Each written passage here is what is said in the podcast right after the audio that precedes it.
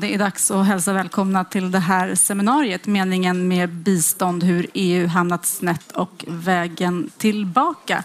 Där förändringen av EUs utvecklingspolitik och vad som är på gång framöver är det som står på agendan de närmaste 45 minuterna. Alla i panelen har kommit, ni har ordning på era grejer så vi kan köra igång. Vad bra. Den förändring som arrangören Concord och medarrangörerna ACT Svenska kyrkan, Union to Union, Svenska missionsrådet, Kvinna till kvinna, Forum Syd och Svenska Afghanistankommittén vill uppmärksamma med det här seminariet rör hur migrationspolitiken tagit sig in i biståndspolitiken och hur säkerhetspolitiska prioriteringar fått ett allt större inflytande.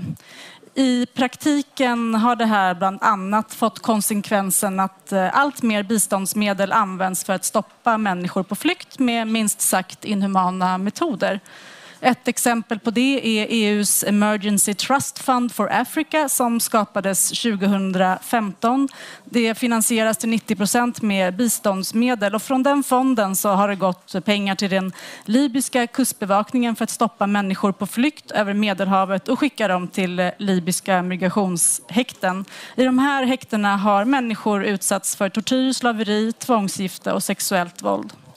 Ett eh, annat exempel är att EU har gett bistånd till Niger som för bland annat biometriska system som spårar människor till helikoptrar, patrullfordon, fartyg och övervakningsutrustning som har tvingat människor på flykt att ta mer, ännu farligare rutter och fler människor har rapporterats döda i Saharaöknen. Så vart är EU på väg? Med här för att samtala om vad utvecklingen inneburit och EUs framtida bistånd finns idag. Vi börjar närmast mig har vi Alexander Sandra Segenstedt, välkommen. Senior sakkunnig i migration på Röda Korset och också medlem i Concords arbetsgrupp för migration och eh, utveckling. Eh, lite kort om vad du gör till vardags. Du bevakar migrationspolitik. Är det en, en beskrivning av ditt jobb? Ja, en beskrivning av mitt jobb är att jag jobbar på Svenska Röda Korset med att titta både på egentligen global, eh, europeisk och nationell lagstiftning vad gäller migration och flyktingfrågor. Eh, vi arbetar med att försöka påverka både på global, europeisk och nationell nivå och att få till en human och rättssäker migrationslagstiftning. Mm, tack. Bredvid dig har vi Georg Andrén som är ordförande för Concord Sverige och även generalsekreterare i Diakonia. Vill du bara berätta kort vad Concord är för de som inte känner till mm. det? Concord är en plattform av 68 eh, numera medlemmar eh, som har kommit samman för att försöka eh, göra precis det som Alexandra beskrev, nämligen att komma samman och dela erfarenheter, expertis och påverka Sverige och EU när det gäller utrikes, utvecklings och biståndspolitiken. Mm, tack. Eh, därefter har vi Jakob Dalunde som var EU-parlamentariker e för Miljöpartiet under eh, den förra mandatperioden. Du sa här alldeles nyss till de andra deltagarna i panelen vilka utskott du satt i. Kan du inte upprepa det? Ja, jag har framförallt jobbat med klimatpolitik i dels utskottet för industri och energifrågor men också i transportutskottet. Men därutöver så har jag också suttit i utrikesutskottet och jobbat särskilt med EUs stöd till den så kallade Mashrek-regionen, alltså Israel, Palestina, Jordanien, eh, eh Libanon och EUs stöd stöd till deras insatser för mm. att eh, hantera migrationsfrågan. Och om jag har förstått rätt så kan det bli en fortsättning för dig i Bryssel? Ja, om britterna lämnar enligt schema den 31 augusti så tillfaller det så kallade brexit-mandatet till, till mig. Så att jag har helt plötsligt bytt åsikt och är numera team Boris Johnson. Okej. Eh, Därefter har vi Björn Fägersten som är seniorforskare och programchef för Utrikespolitiska institutets Europaprogram. Välkommen och du har den där mikrofonen. Tack så mycket. Ja, och, och vilka områden eller frågor arbetar du mest med skulle du säga? Min egen forskning handlar just om EUs utrikespolitik och dess strategier som, som ligger till grund för det och vad som krävs för att EU ska kunna vara en kraft i omvärlden. Tack, välkomna allesammans. Eh, Helena Lindholm, professor i freds och utvecklingsforskning och ordförande för expertgruppen för biståndsanalys skulle ha varit med men hon blev tyvärr tvungen att ställa in. Men jag är helt övertygad om att den här panelen kommer klara det här galant ändå. Och eh, apropå eh, frånvaro så har Concord och medarrangörerna eh, här ställt upp eh, en, den här tomma pallen i det här fallet med en regnbågsplagga för att eh, visa respekt för RFSLs beslut att inte delta i Almedalsveckan i år. Och den här tomma stolen är också en symbol för att protestera mot bristen för skydd av mötesfrihet och föreningsfrihet. Och allra sist ska jag presentera mig själv. Jag som har fått äran att leda det här eh, samtalet. Jag heter Johanna Palmström och jag är frilansjournalist. Målet är att vi på de här 45 minuterna även ska hinna med frågor från er i publiken. Och, eh, men innan panelen får ta till orda så tänkte jag bara höra lite kort vilka ni är. Hur många av er arbetar eller är engagerade i frågor som rör bistånd? Upp med en hand. Det var många. Hur många av er arbetar eller är engagerade i frågor som rör migration? Upp med en hand. Det var också ett gäng. Hur många av er har läst eller nosat på utkast till EUs strategiska plan för 2019 till 2014 eller utkasten till EUs långtidsbudget? Upp med en hand. Ja, men det var också ett gäng. Då vet ni lite mer vilka det är som ni talar, Jag skriver om mitt inlägg här. talar med här idag ska vi se att jag... Ja, men kolla där. Jag var helt rätt i mina papper också. Eh, Georg Andrén, om, om en stund så ska vi fördjupa oss i det här kanske med långtidsbudgeten och vad som pågår i EU just nu. Men allra först så vill jag ställa några frågor om förändringen av EUs roll i världen och utvecklingspolitiken under den senaste mandatperioden här fram till 2019. Hur beskriver du den förändringen? Jag skulle vilja beskriva den som väldigt oroväckande där man eh, från början eh, Eh, visade tecken på att vilja förstå att biståndsfrågor, utrikesfrågor hängde ihop med säkerhetsfrågor och hängde ihop med migrationsfrågor. Men eh, i takt med tiden så har vi fått en svängning där vi plötsligt har snarare sett biståndet som ett resultat av, eller snarare bli ehm, eh, ja, ett resultat utav mera inhemska intressen, migrations och säkerhetsintressen inifrån. En parallell är när Sverige för ganska precis 15 år sedan satte igång arbetet med politiken för global utveckling. Då var, eh, vet jag att regeringskansliet jobbade ganska hårt på att få andra departement att förstå. Nej, det handlar inte om att biståndet ska leverera på migrationspolitiska mål eller handelspolitiska mål eller säkerhetspolitiska mål. Det handlar om att ni ska begripa utvecklingseffekten av det ni håller på med. Det vi nu ser i EU är precis i motsatt riktning. Där vi, vi kan återkomma till det som sagt, men där vi ser att biståndet mm. mer och mer görs som ett instrument till migrationspolitiska, säkerhetspolitiska intressen. Och om du kan då ge ett exempel på när, hur det var innan, när det hängde samman lite mer som, som du sa. Då, vad, vad, vad blev, hur såg det ut då? Då hade vi ett bistånd, vi har fortfarande ett bistånd. Det vi ser nu är diskussioner om framtidens. Mm. EU är världens största biståndsgivare om man slår ihop kommissionen med medlemsstaterna. EU bedriver ett bistånd eh, på många håll i världen, jag har sett det på nära håll i Centralamerika, där man ändå driver frågor som handlar om rättsstatsfrågor, man driver frågor om mänskliga rättigheter, att stärka institutioner och så vidare. Det är det biståndet vi känner igen från EU. Och återigen, det vi nu ser är en, en, ett svar på en populist eh, rörelse eller våg i Europa när fler och fler stater ställer sig upp och ställer, har andra förväntningar på biståndet. Eh, så att vi har haft ett starkt rättsstatsstärkande bistånd, vi har haft ett starkt bistånd på utbildningsområdet etc. Och det måste vi försöka försvara till varje pris. Så i praktiken kan man säga att det är det här som är hotat? Eh, ja. Biståndet till rättssamhället till exempel? Ja, framförallt rättsstaten skulle jag vilja säga. Det där finns det anledning att vara riktigt orolig. Mm. Tack så länge. Alexandra Segenstedt, ditt fokus är ju migration. Hur har EUs eh, förändringar yttrat sig ur ditt perspektiv? Ja, EUs förändringar vad gäller migration är väldigt komplexa och väldigt många. Det pågår väldigt många olika processer på samma gång. Eh, man kan säga så här att med avstamp i 2015 och den eh, migration och flyktingsituation vi hade i Europa så satte EU en migrationsagenda där, det, där syftet egentligen var att stävja migrationen eller flyktingströmmen till Europa. Det man får hålla isär lite här, det handlar ju egentligen om två olika två olika saker. Det ena i migrationsagendan handlar om att möta grundorsakerna till flykt eller till att människor tvingas på flykt. Det kan ju vara eh, inbördeskrig, det kan vara förföljelse, det kan vara klimatförändringar, det kan vara en rad olika orsaker som, som för att stävja det kräver gemensamma och långsiktiga investeringar, till exempel i form av biståndet. Det är en sak. Den andra saken som har lett blandar ihop med detta handlar om att arbeta mot smuggling, att människor, att smugglare, att människor exploateras genom smuggling. Men för att uppnå det på ett seriöst och trovärdigt sätt gentemot omvärlden så krävs ju också säkra och legala möjligheter att kunna ta sig till EU på ett annat sätt. I avsaknad av detta så leder ju det istället tvärtom till att man nästan bidrar till att smugglingen ökar och blir än mer. När, när EU inte erbjuder de här säkra vägarna? Ja, för idag finns det ju de facto väldigt få möjligheter att ta sig säkert och legalt till EU och då kan man ju på något sätt istället främja att smugglingen eh, fortsätter. Och det gör ju också att vi ser också inom migrationspolitiken och kopplat till biståndet att EUs värderingar som tidigare styrde biståndet styrs idag mer av EUs intressen av att få till att stävja migrationen och det är väldigt oroväckande. Och varför är det här oroväckande ur ditt perspektiv? Det gör ju att eh, man använder pengar till att stävja migration för män, och många gånger människor som faktiskt tvingas på flykt och som har en rätt att söka sig till Europa och få sin sak prövad.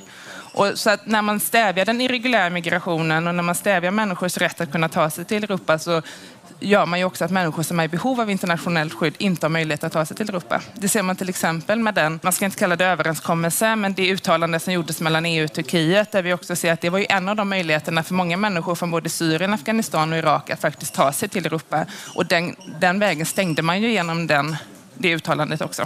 Björn Fägersten, hur skulle du beskriva hur EUs roll i världen och utvecklingspolitiken har förändrats den här senaste mandatperioden? Det stora från min horisont är ju hur en mängd olika politikområden håller på att inlämnas i en ganska dominerande stormaktskonflikt mellan USA och Kina.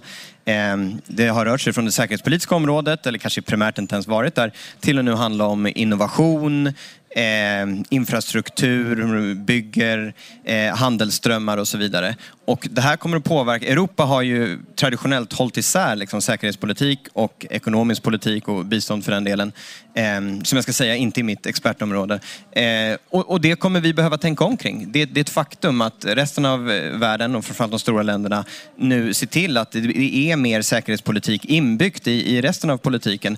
Det måste vi förhålla oss till. Eh, det behöver inte betyda att vi gör samma sak, men, men vi kan inte låtsas som ingenting. Alltså, jag, för mig är det inte helt uppenbart varför, varför europeiska intressen inte skulle ha, få något avtryck i hur vi spenderar biståndspengar. Varför det enbart skulle vara oroväckande. Jag tycker det låter som en ganska sunt och också man ska hålla kvar ett, ett stöd för den här politiken. Och tittar man till exempel framöver så tror jag vi kommer behöva använda biståndsmedel till att hjälpa länder, till exempel längs BRI. Vi kom just från ett seminarium som diskuterade Belt and Road Initiative, hur Kinas enorma enorma investeringar i det stora området mellan Kina och Europa primärt. Eh, och låser in länder i ett beroende av, av Kina och ibland på liksom 100 års sikt. Där kommer vi behöva gå in och stötta med handel, men säkert med bistånd också, hjälpa dem att stå emot det här trycket. Så jag är övertygad om att även europeisk investering och bistånd kommer behöva ha mer av en geopolitisk prägel i framtiden. kan du ge ett exempel på den här eh, sammanblandningen som du menar att EU och Sverige inte har behövt eh, förhålla sig till tidigare? Nej, i, i, inom EU så har man ju traditionellt eh, valt att helt separera, det vill säga säkerhetspolitik har man egentligen aldrig tagit in utan det har skötts av medlemsstaterna och i viss mån av NATO. Eh, och det var ju det som var grunden, man plockade just i kol och stålunionen de förmågorna som var viktiga och la dem istället i en annan korg där man pratar handel, integration, ekonomin och så vidare. Så att EU har haft helt, två helt olika spår. Eh, och nu har man eh, behövt anpassa sig efter att resten av världen och framförallt USA och Kina väldigt tydligt vill föra ihop eh, sina olika politikområden och använder ekonomin och även biståndsvärlden som ett sätt att uttrycka säkerhetspolitiska intressen och vice versa. Och det är, en, det är en, en ny verklighet som, som jag tror att vi på ett eller annat sätt måste anpassa oss till. Tack. Gerd, du ville, ville du kommentera redan ja, på en gång? Ja, om jag får Absolut, så, så vill jag hoppa in på en gång, Absolut. Björn. Därför att jag, jag, kanske inte var tydlig. Jag förstår också mycket väl och vi förstår mycket väl från civilsamhället, både i Europa och här i Sverige, att vi måste se EUs agerande också ur ett säkerhetspolitiskt, migrationspolitiskt perspektiv. Men när man använder biståndet, då ska det användas utifrån biståndets logik och biståndets övergripande mål som handlar om fattigdomsfokus och som handlar om ett rättighetsperspektiv. När man då försöker angripa till exempel migrationsproblematiken, då får man göra det utifrån vad är det som orsakar migrationen? Då får du gå bakom migrationen och inte bara jobba med, med olika typer av myndigheter i, i, i Marocko eller Libyen eller vad det nu kan vara någonstans. Utan jobba med de underliggande orsakerna. Där eh, ligger vår kritik, inte i det faktum att man förhåller sig till faktum att vi har en migration. Och eh, menar du också då att man just använder biståndsmedel till Ja.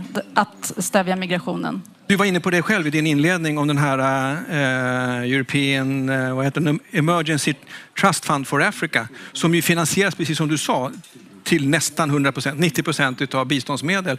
Och det används idag till luftövervakning, till territoriell bevakning, till att jobba med identitetshandlingar etc. för att stoppa människor att röra sig över Medelhavet. Och på andra sidan så står eh, hamnmyndigheterna och stoppar båtar som kommer in och fängslar du det, båtkaptener. Så, att, ehm, så används biståndet. Jakob Dalunde, du eh, ska ju såklart också få komma in. Eh, Du vinkade, men jag förlänger med en fråga också. Du fanns ju på plats i Europaparlamentet under den här tiden. Jag tänkte be dig också att beskriva hur du ser att utrikes och biståndspolitiken förändrats. Ja, Det stora kan man se är att det har skett en väldigt stor liksom, trendskiftning från en långsiktig politik för att använda biståndspolitiken för att minska orsakerna till migration till mer kortsiktiga åtgärder för att minska migrationen på kort sikt. Eh, liksom, av ganska olika skäl. Eh, och och där är det kanske en av de politikområdena där vi gröna varit mest kritiska till hur, hur politiken eh, utformas. Och, eh, jag kan ju tycka att vi, vi, vi verkar ha ibland någon slags tanke om att alla människor vill egentligen till Europa. Men min erfarenhet av att besöka eh, Algeriet, eh, Tunisien, eh, Jordanien, eh, Libanon, det är att när man möter människor i flyktingläger så är det oväntat många som faktiskt egentligen skulle föredra att stanna i det så kallade närområdet så länge lägren var fullt ut finansierade. Och där kan jag bli lite frustrerad av att vi fått en, en, en debatt där det blir som Sverigedemokraterna som förespråkar att hjälpa människor på plats och så gröna och liberaler som förespråkar en human migrationspolitik. Och det tycker jag upp, eh, utgår från en sån falsk bild av varför människor flyr. Tar man Syrien som ett exempel så är det en del människor som kanske flyr undan det religiösa förtrycket från Daesh. Och de kanske tänker att ja, men den konflikten skulle kunna vara över om några år. Istället för att skuldsätta mig upp till öronen, trotsa Medelhavet, fly till Europa. Så skulle man föredra att stanna i närområdet så länge. Barnen får utbildning, näringsriktig mat, föräldrarna får arbeta. Men sen är det en annan grupp flyktingar som kanske flyr undan diktatorn Bashar al-Assad. Som aldrig kommer kunna åka tillbaka för att han kommer sitta kvar. De människorna måste ju få asyl. Och om vi inte har en nyanserad bild av att människor flyr av olika skäl så kommer vi fastna i en slags dikotomi där vi antingen ska hjälpa mer människor på plats, vilket vi bör göra, samtidigt som vi gör, inrättar fler legala vägar, gör det lättare för människor att söka asyl Men i Europa. jag måste ändå fråga dig, hur kommer det sig att eh, Europaparlament, eller att man använder biståndsmedel till den här politiken? Alltså, vad är det som gör att man har börjat använda biståndet som en, som en väg för att uppnå migrationspolitiska mål, vad man än tycker om de målen? Därför att man inte klarat av den nationella debatten av att det kommer så pass många människor som söker asyl i europeiska medlemsländer. Då vill man med alla tillbud stående medel stävja den migrationen. Och det är inte någonting som vi gröna försvarar, det är någonting vi kritiserar.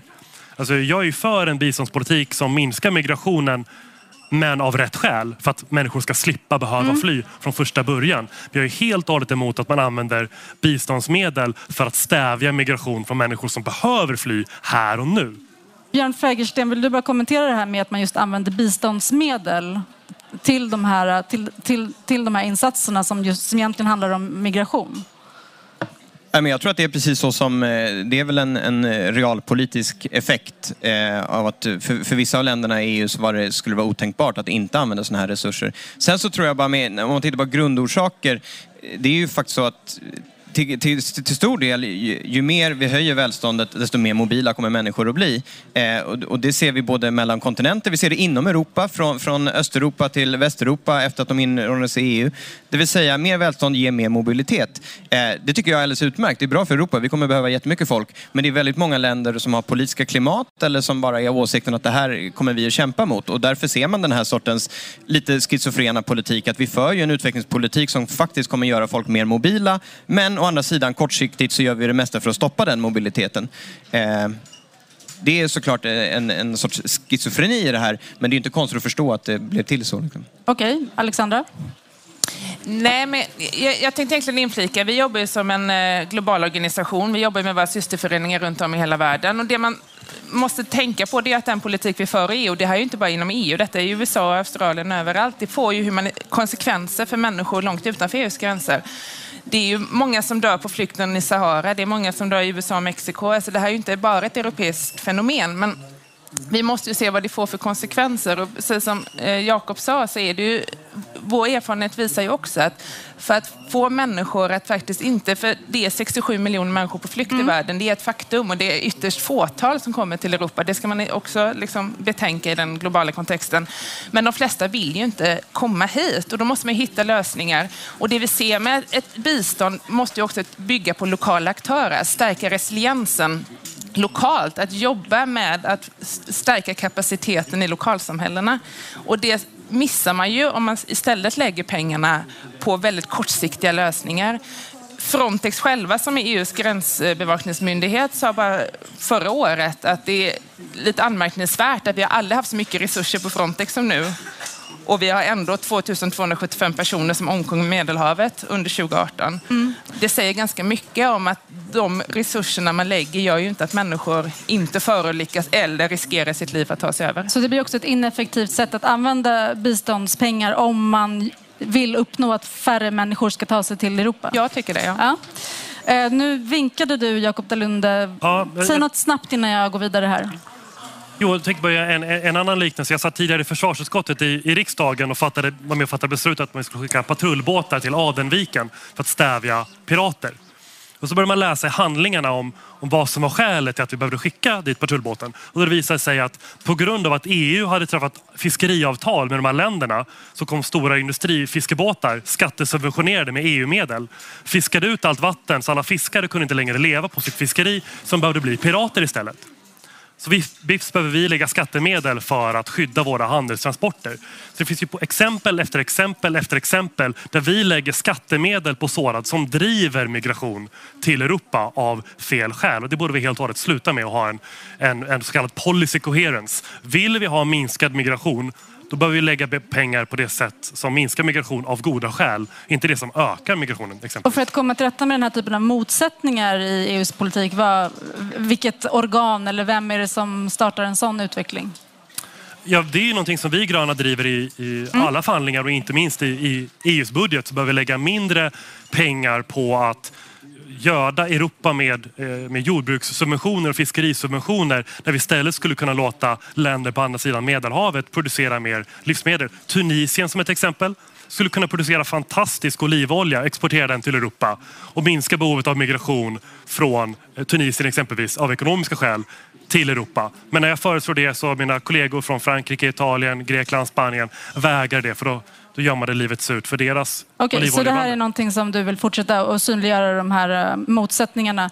Uh, Georg Andrén, du var inne på det inledningsvis att de här uh, förändringarna av, av EUs ställningstaganden och, och politik på, har påverkat biståndet lite men också riskerar att göra det framöver. Vad är Concord och andra biståndsorganisationer oroar sig för när det gäller EUs långtidsbudget som förhandlas nu som ska gälla 2021 till 2027? En stor förändring som man nu gör, som man nu förhandlar och som ska fortsätta förhandlas efter sommaren, eh, det är ju att man nu skapar ett gemensamt externt instrument och i någon mening är det, det är väl jättebra att man ser biståndet som en del i en eh, samlad eh, extern politik för EU.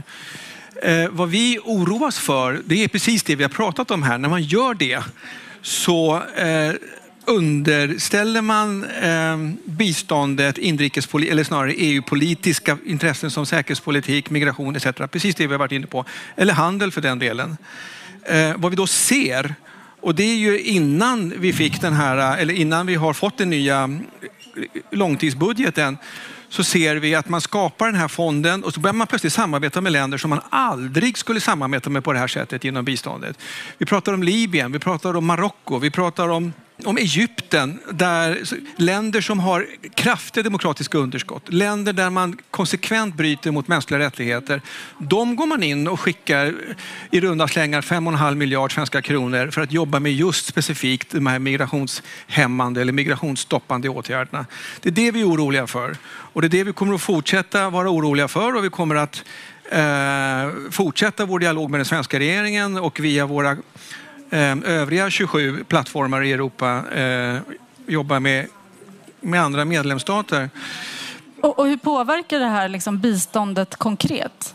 Alltså, EU Ja. är ju världens största biståndsgivare tillsammans om man räknar in medlemsstaterna. Jag har under mina år som jag har jobbat med bistånd, 20 till 25 år, tyckt att det har varit ganska bra.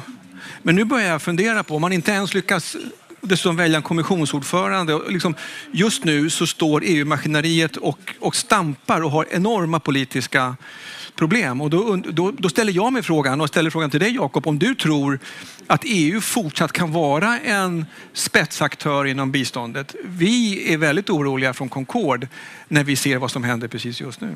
För att biståndet då inte kommer skapa de mål man vill att eh, uppnå? För att inte de kommer har- komma förlåt. åt fattigdomsbekämpning? Eller vad är det som är... Ja, alltså återigen, det vi under decennier har kommit ut, och vi menar jag då det offentliga eh, Europa, civilsamhället men även eh, FN-systemet och mer och mer den privata sektorn har kommit fram till är fungerande bistånd är Bistånd på den fattiga människans villkor, bistånd som fokuserar på fattigdomsbekämpning, bistånd som fokuserar på jämställdhet, på kvinnors och flickors rättigheter.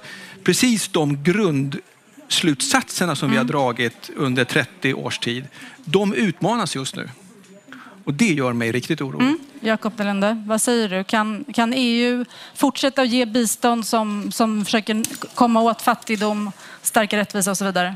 Jag är tyvärr övertygad om att det kommer finnas en politisk majoritet både i ministerrådet och i Europaparlamentet för att fortsätta den här utvecklingen. Och jag tycker att, tyvärr att vi protesterar alldeles för lite.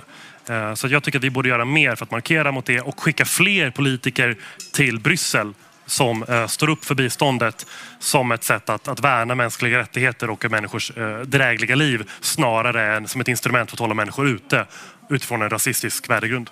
Men som behöver förändra politiskt för att, för att komma åt den här typen av bistånd som Georg Andrén eh, Ja, alltså den, efterlyser. här, den här polit, politiken är ju fattad av politiker som är folkvalda. Det är Mm. vi som har röstat fram dem. Eh, Alexandra, vad, vad, vi har hört vad Georg Andrén oroar sig för med, utifrån EUs eh, långtidsbudgeten, utkastet som finns. Vad, vad säger du utifrån eh, ditt perspektiv med migrationspolitiken i fokus?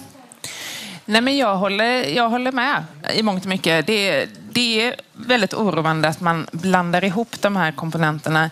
Vi ser ju till exempel, och det är inte bara ur, ur liksom finansieringsperspektiv, om man tittar på de avtal eller överenskommelser som EU har gjort, till exempel har man gjort en överenskommelse Joint Way Forward med eh, Afghanistan. Vi har det här, den här uttalandet med Turkiet. Det gör ju också att det blir ett demokratiskt underskott i den här typen av avtal eller samarbeten. För vi kan heller inte, när det görs på det sättet det görs idag, riktigt få en transparens kring vad avtalet eller vad överenskommelsen innebär och heller inte utvärdera hur effektiv den är. Så vi lägger ju ganska mycket resurser på någonting som vi inte riktigt kan få se vad utfallet blir. Eh, sen håller vi helt med om att fattigdomsbekämpning ska vara nummer ett vad gäller bistånd. Det ska vara behovsanpassat. Det ska, som jag sa tidigare, utgå också från lokala aktörer som ska vara med i alla delar av beslutsprocessen och eh, i analysen. Man ska använda sig av civilsamhället och den expertis som faktiskt finns vad gäller den analys man kan göra på marken, vad som behövs och vad som är, vad som är effektivt bäst. Och sammanblandningen gör ju också att det blir svårt att också i den aspekten utvärdera hur biståndet används. För det, har ju också, det är idag ganska komplext. När man tittar på EUs långtidsbudget och och man tittar på EUs migrationspolitik, det är i sig ganska komplext och samtidigt pågår globala processer. Vi antog efter 2015 så kallade ju FN till sig och har gjort nu två globala kompakter, en om migration och en om flyktingar. Det är också någonting som EU har att förhålla sig till och man borde förhålla sig till när man tittar också på finansiering av migrationshantering eller root causes. Och när det gäller enskilda människor som vill söka sig till Europa, vad, hur, hur, kommer det, hur kommer den situationen påverkas av den här utvecklingen? Nej, men den påverkas har gjort redan idag och har gjort under många år. Vi tog fram en rapport för två år sedan där vi med våra systerföreningar från, från eh, både Afrika och Asien tittade på hur eh, hur den här migrationshanteringen påverkar människor på flykt och hur, även, liksom, även utanför EU, inte bara till liksom, på EUs gränser och ser att ju mer sådana här ju mer finansiering man lägger på migrationshindrande åtgärder gör ju också att, att utsattheten ökar. Vi ser en ökad exploatering, vi ser mer trafficking, vi ser ökad smuggling, vi ser personer som sätts i förvar, vi ser modern slavhandel. Alltså, aspekter som har ökat något enormt. Och det är inte bara EU, jag vill tydliggöra det, men det, det är ett resultat av att vi omöjliggör människors möjlighet att ta sig och söka skydd. Mm. Eh, Björn Fjägersten, vi hör ju här från civilsamhället, apropå utvecklingen i EU, då, om oro inför att den här förda politiken med mer säkerhetspolitiskt fokus leder till exploatering, eh, mindre brist på transparens, eh, men även att det kan vara motsägelsefullt för det man vill uppnå när det gäller migration. Hur reagerar du på det? Nej, men som jag sa innan, jag, tycker, jag, jag tycker att eh, motsättningen här är, liksom, är ganska uppenbar. Att, att en viss del av, av, politiken genererar mobilitet och en annan del vill stoppa den.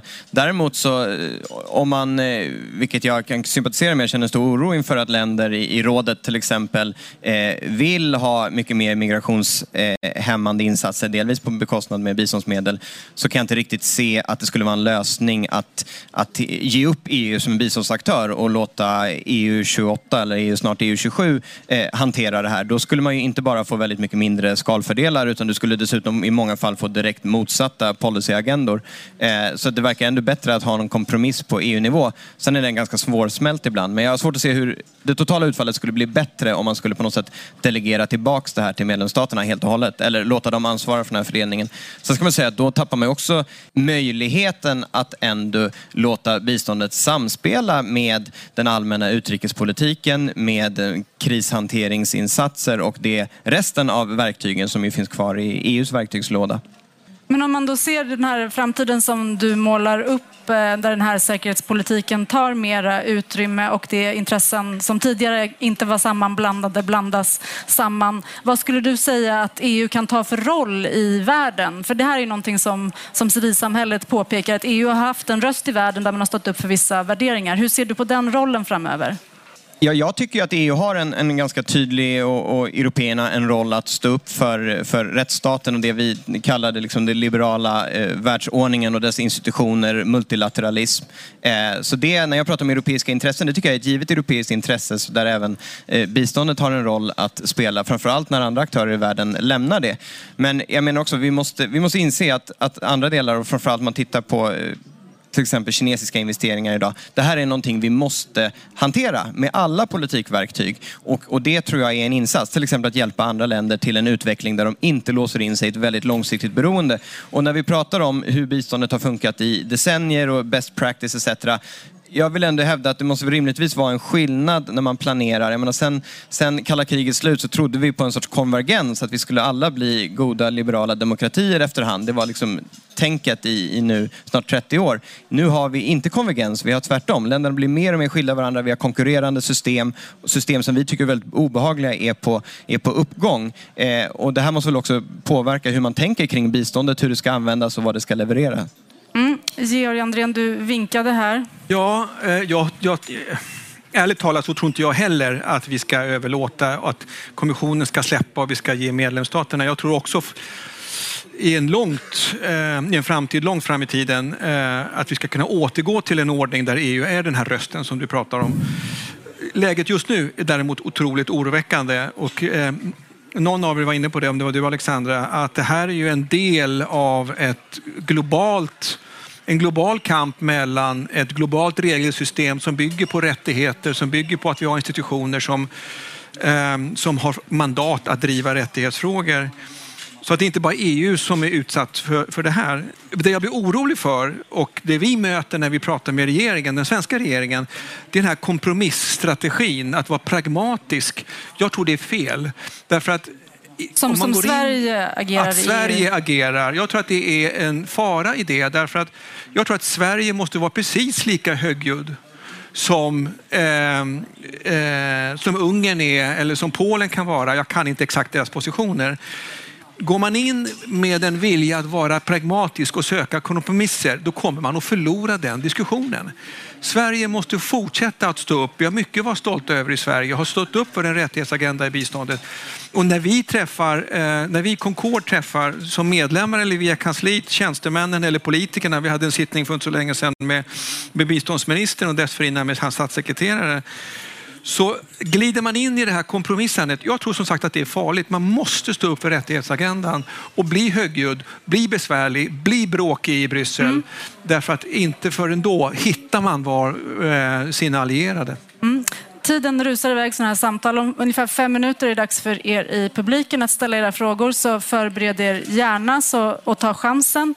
Eh, jag hakar på här det här spåret då kring Sveriges eh, agerande, Jakob Dalunde. För Sverige tillhörde ju de som eh, när reglerna, när EU förändrade sitt förhållningssätt och såg till att eh, mer säkerhetsrelaterade utgifter ökade inom EUs eh, bistånd så protesterade Sverige till en början. Men nu verkar Sveriges röst ha tystnat. Du företräder ett regeringsparti här. Mm. Var, var, varför agerar Sverige på det här viset? Ja, men det, det är ingen hemlighet att Sveriges migrationspolitik och den delen av biståndspolitiken som ligger i linje med migrationspolitiken inte är en karbonkopia av Miljöpartiets partiprogram. Det finns ju tyvärr en ganska markant förskjutning i den svenska debatten när det finns en ny majoritet i riksdagen för en annan politik och då är det väldigt svårt för oss att stå emot. Så att jag kan bara beklaga den utvecklingen. Så det är, det är en, Men handlar det om migrationspolitiken? Att, man, att, att det är därför som man från Sveriges eh, regering har slutat protestera mot hur biståndsmedlen används? Det är min bedömning att det tyvärr idag finns en, en växande majoritet både i Sverige och Europa där man vill använda biståndsmedel för att eh, minska migrationsflödet eh, till Europa. Och, och, där skulle jag vilja sluta med eh, en, en, en appell till civilsamhället att bråka mer på oss.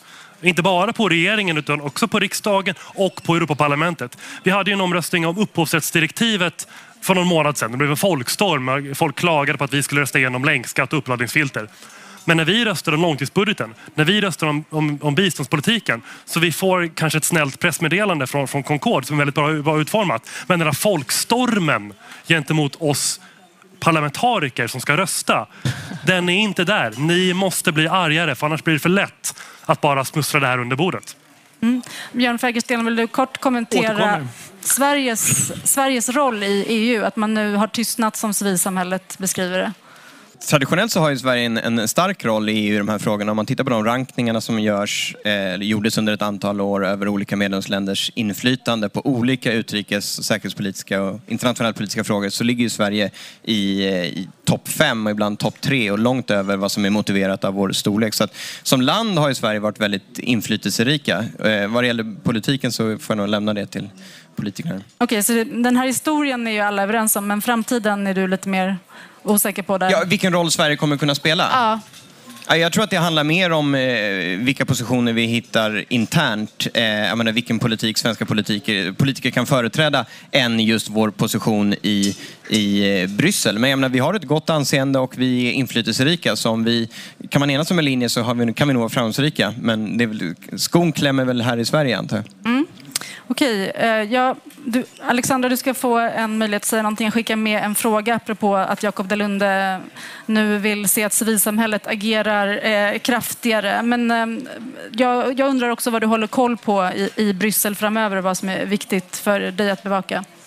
Nej, men jag, jag, tror att vi ska välja att se det som att tåget inte helt gått än. Även om vi har en eh, långtidsbudget nu där man ändå har sagt 10 procent, vilket är en relativt hög siffra vad gäller migrationsaspekter, så är det ändå två olika aspekter. Det ena gäller migrationshantering, det andra gäller så kallade grundorsaker. Där kan vi lobba för att Sverige går i bräschen, att det är grundorsakerna till flykten. Och det är ju egentligen traditionell fattigdomsbekämpning, bland annat rättighetsbaserat arbete och så vidare, som, som kan innefattas i det.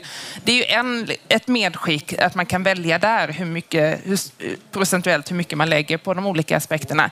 En annan sak vad gäller migrationspolitiken så står vi ju nu inför ett ett, ett arbete. Det känns som att hela EU-samarbetet står och häng, liksom, viktar på just migrationsfrågan. Det är därför det är så mycket diskussioner också inom EU. Och där kan man ju också se att vi har ett gemensamt europeiskt asylsystem som har förhandlats under många, många år. Det står och stampar, det händer inte särskilt mycket. Men där kan också Sverige gå före. Vi kan göra saker även om inte asylpaketet är på plats. Vi har idag en situation på Medelhavet där båtarna inte kan lägga till med migranter för att man kommer inte överens om var de ska tas vägen. Där finns det ett kommissions initiativ att några länder ska gå före, Coalition of the Willing, där man hoppas att Sverige skulle kunna säga ja och faktiskt vara med på detta, vilket i antal inte gör särskilt mycket för Sverige. Det kommer inte komma särskilt många till Sverige, men man ändå går i bräschen och tar lite ansvar och det är också ett medskick som man skulle kunna göra. Så att jag, jag väljer att se det som att tåget inte är gått, men vi ska bli ännu argare. Mm. Och Georg Andrén, vad kommer Concord och du driva för att påverka på EU-nivå och hur? Ja, alltså vi fortsätter. Möjligen är vi lite för salongsfähiga, men alltså det vi har gjort under en längre tid. Vi var tidigt ute och satte igång diskussioner med regeringskansliet i Sverige. Tillsammans med kollegorna runt om i Europa så sitter vi i Bryssel och diskuterar såväl med kommissionen som med, eh, med representationerna från, i vårt fall, den svenska representationen. Och vi försöker jobba med argument. Men jag tror du har rätt i att det är nog kanske dags att vi mobiliserar mer ilska och ut på gatorna. Och, ehm, och så. Det finns en annan aspekt på det här nämligen som, som eh, vi inte har varit inne på. Återigen för att prata om de här länderna som ligger söder om Medelhavet. De karaktäriseras ju av, eh, apropå den där stolen som, som står där om minskat demokratiskt utrymme. Det här är också en global tendens och där vi, där vi med de här biståndsmedlen som vi pratar om här bidrar till att minska demokratiska utrymmet. Vi måste stå upp för det eh, inspireras av vad som just nu händer i Hongkong. Och jag, det finns våldsinslag där som man kanske mm. inte ska vara så stolt över. Men bli argare, mobilisera mera och eh, visa var vi står. Mm. Och här från nästan gatan i Visby, vad, säger, vad undrar ni som är här och lyssnar? Här finns en mikrofon som den som vill ställa en fråga ska få använda. Upp med en hand. Här längst framme har vi en fråga. Ja, jag heter Lars-Gunnar Frisk, och är aktiv inom Svenska kyrkan. Eh, jag tog till mig det här eh, som Jakob och, och även Georg pratade om, att eh, den här folk, folkstormen och liksom att, att aktivera liksom mera tydligt och så här. Eh, Problemet är, för min egen del skulle jag gärna vilja vara del av en sån folkstorm. Men jag har inte verktygen för att kunna ta de här debatterna och rikta in det på rätt frågor och så. Ni som jobbar med det professionellt på nationell nivå och EU-nivå, ni vet liksom vad som behöver sägas och hur man kan argumentera och så. Jag tror vi har någon slags folkbildnings... Eh, mm behov där som jag skulle undra om ni skulle kommentera. Hur kan man underlätta att många människor runt om i hela landet kan ta del i och vara aktiva, skriva debattartiklar och så? Mm. Tack så mycket. Och uh, upp med en hand ifall det är någon som har med, en mer fråga. Uh, du får den, den, panelen får svara på den här första först. Nej, jag skulle bara säga att jag håller helt med för att frågan som jag sa tidigare har blivit väldigt komplext. Uh, bara att ta koll på migrationsfrågorna globalt, europeiskt och nationellt är ganska mycket bara det. Och nu när det kommer in på biståndsfrågor och alla de långa dokumenten så det är svårt. För att traditionellt har vi också jobbat i stuprör i civilsamhället med bistånd å ena sidan, migrationsfrågor å andra sidan och nu sammanblandas allt. Så jag tror att vi måste alla bli lite bättre på att faktiskt jobba tillsammans och hitta liksom synergier. Mm. Georg Andrén?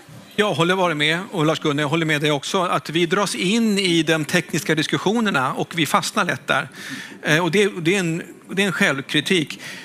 Eh, precis nyligen, bara för några veckor sedan, presenterades en granskning av det svenska biståndet utav OECD. En sak som de lyfter där som är ganska intressant, det är att trots det som hände 2015 med migrationsdiskussionen och den opinionssvängning man hade i Sverige kring den frågan, så står den svenska biståndsviljan fortfarande stark. Det noterar OECD som något ganska anmärkningsvärt.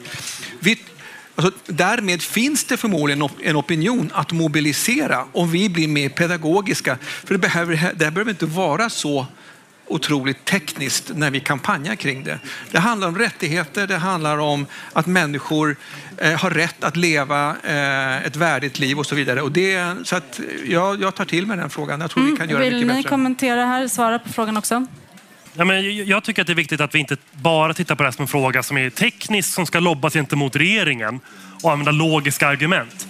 Det här är en politisk fråga som handlar om samhällsdebattet, sentimentet i samhällsdebatten kring människovärdet och vad vi ska använda biståndet till. Det är den debatten som, som verkligen måste till, inte bara en dialog gentemot specifikt just regeringen. Mm. Eh, Björn Fägersten, folkbildning, kan Utrikespolitiska institutet hjälpa till där? Absolut, det är ett av våra uppdrag, mm. forskning och folkbildning. Och eh, vårt globala program eh, har eh, mycket verksamhet kring biståndsfrågor och framförallt från ett europeiskt perspektiv. Mm. Inte så mycket Sverige. Perfekt. Men inga folkstormar. Då har vi en publikfråga till som får bli sista frågan här. Ja, det hörs. Ja, hej, jag heter Christer Kullberg. Det som vore bra det är att gå ut och ge information till kommunerna för de har väldigt svårt att arbeta med EU och ta hand om frågorna och dirigera det utåt. Det är en bra början att kommunerna får underlag och vet vad de ska göra. För det är väldigt mycket pappersvisit. Ja, tack. Jakob Dalunde, jag mm. skickar den frågan till dig. Det är ja. många som uttrycker att det är svårt att komma in i frågorna. Ja, och då är det så fint att vi Europaparlamentariker har möjlighet att ta emot studiebesök som man kan finansiera både resa och logi. Så är det så att det skulle organiseras en grupp eh, aktivister, civilsamhälle som skulle vilja komma ner till Bryssel och gå en, en, en, en studiebesökssession i europeisk biståndspolitik kopplat till migrationsfrågor så kan jag ordna det. Mm. Då tackar jag panelen för att ni kom hit och eh, påbörjade ett samtal mm. om eh, utvecklingen inom biståndspolitiken och hur, hur migrationspolitiken och den hänger samman i det här säkerhetspolitiska läget vi har nu. Stort tack till er och tack till er som var här och lyssnade. Tack till dig.